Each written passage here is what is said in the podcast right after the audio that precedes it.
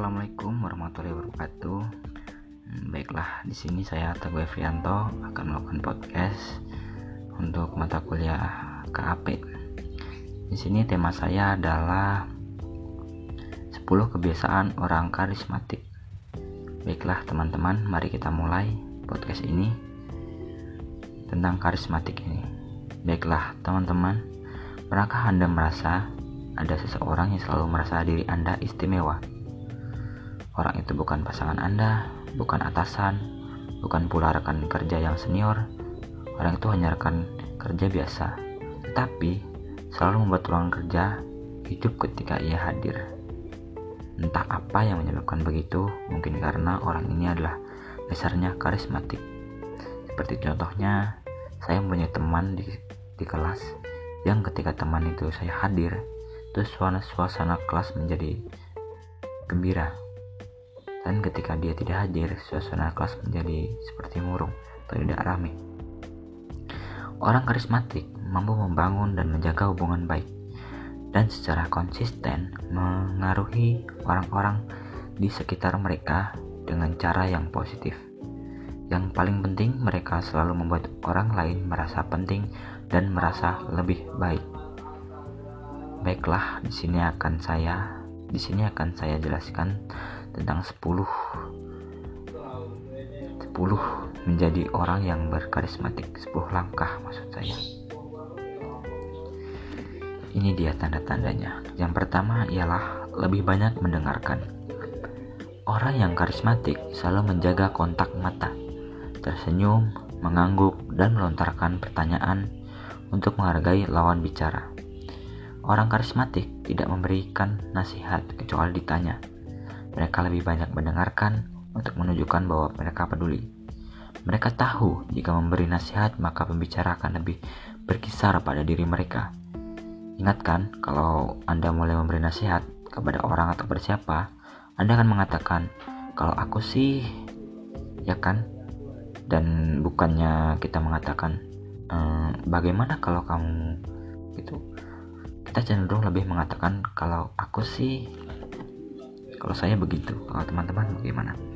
Lanjut kedua, mereka tidak pilih-pilih. Ada ada sebagian orang yang tidak mampu mendengarkan sesuatu yang dikatakan orang lain yang dianggap lebih rendah. Mungkin saja keduanya saling berbicara, tapi orang yang lebih tinggi biasanya tidak akan benar-benar mendengarkan. Sebaliknya, orang karismatik akan mendengarkan siapa saja, tak peduli posisi atau status sosialnya, mereka bisa merasa mempunyai kesamaan dengan siapa saja, tidak hanya dengan orang yang ada di kelas mereka saja. Lanjut ke nomor tiga, mereka akan berhenti beraktivitas ketika diajak bicara. Kesalkan kalau Anda berbicara pada atasan, tapi di tetapi dia tetap sibuk mengecek ponsel, laptop, atau koran yang dibacanya.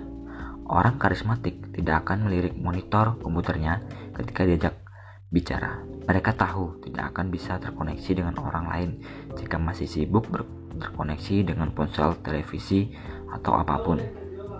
Mereka terbiasa mencurahkan seluruh perhatian pada yang diajak bicara. Tak heran, orang ini selalu ada di dekat mereka. Lanjut untuk nomor 4 yaitu mereka selalu memberi lebih dahulu dan kadang tak pernah menerima kembali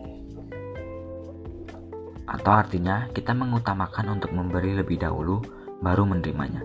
Inilah yang dilakukan orang karismatik. Dan mereka tidak memikirkan apakah mereka akan menerima balasan, mereka berfokus pada apa yang bisa diberikan, karena memberi, memberi menjadi cara untuk menciptakan koneksi nyata dalam suatu hubungan. Kemudian lanjut ke nomor 5. Mereka tidak merasa diri mereka penting. Orang yang akan terkesan dengan diri Anda yang sok penting dan hebat tak lain orang-orang yang juga merasa diri mereka penting. Yang lain tak akan terkesan dengan orang yang sok penting. Orang lain mungkin justru akan merasa terganggu dan tidak nyaman. Lanjut ke 6. Karena menganggap orang lain lebih penting. Orang karismatik mempunyai pengetahuan, pendapat, dan sudut pandang sendiri dari suatu masalah. Namun, hal itu tidak penting bagi mereka karena mereka tidak bisa mempelajari sesuatu dari diri mereka sendiri.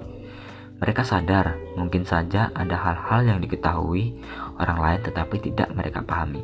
Hal ini membuat orang lain menjadi lebih penting bagi mereka karena mereka bisa belajar dan mengalami orang lain. Lanjut ke yang tujuh, mereka membiarkan orang lain bersinar. Mereka tahu bahwa ada orang yang tidak cukup menerima penghargaan atas prestasinya. Karena itu, mereka akan menunjukkan pada khalayak bahwa seorang tersebut sebutlah rekan sebutlah rekan kerjanya telah melakukan tugasnya dengan baik. Mereka tahu sebuah pengakuan akan membuat rekan kerjanya merasa lebih membuat sesuatu mencapainya dan merasa lebih penting. Hal inilah yang membuat orang berkarisma dihargai lebih jauh karena mereka peduli untuk memperhatikan pencapaian yang dilakukan orang lain. Inilah yang dilakukan oleh orang yang berkarismatik. Lanjut ke nomor 8. Mereka cermat memilih kata-kata.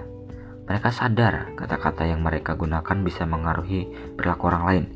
Misalnya, ketika, ketika ingin mengatakan, Andri tidak harus menyiapkan presentasi untuk klien yang baru. Mereka memilih untuk mengatakan, Anda kan harus harus berbagi berita seru untuk teman-teman divisi kita.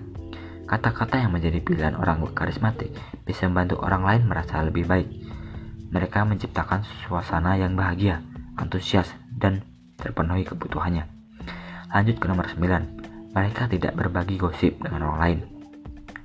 Ketika semua tentu senang mendengar gosip. Masalahnya, kita sebenarnya tidak menghargai orang yang pertama menyebarkan berita yang belum pasti kebenarannya tersebut.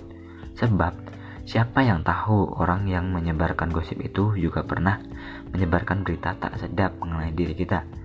Lalu kita ditertawakan ramai-ramai di belakang kita.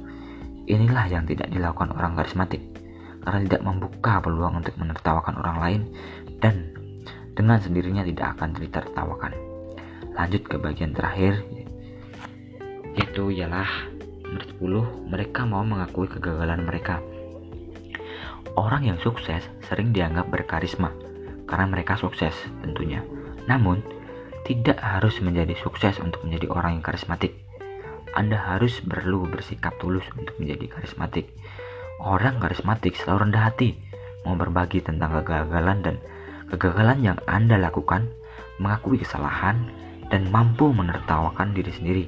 Sementara orang lain tidak akan menertawakan orang yang karismatik. Mereka akan tertawa bersama. Itulah yang membuat orang karismatik lebih disukai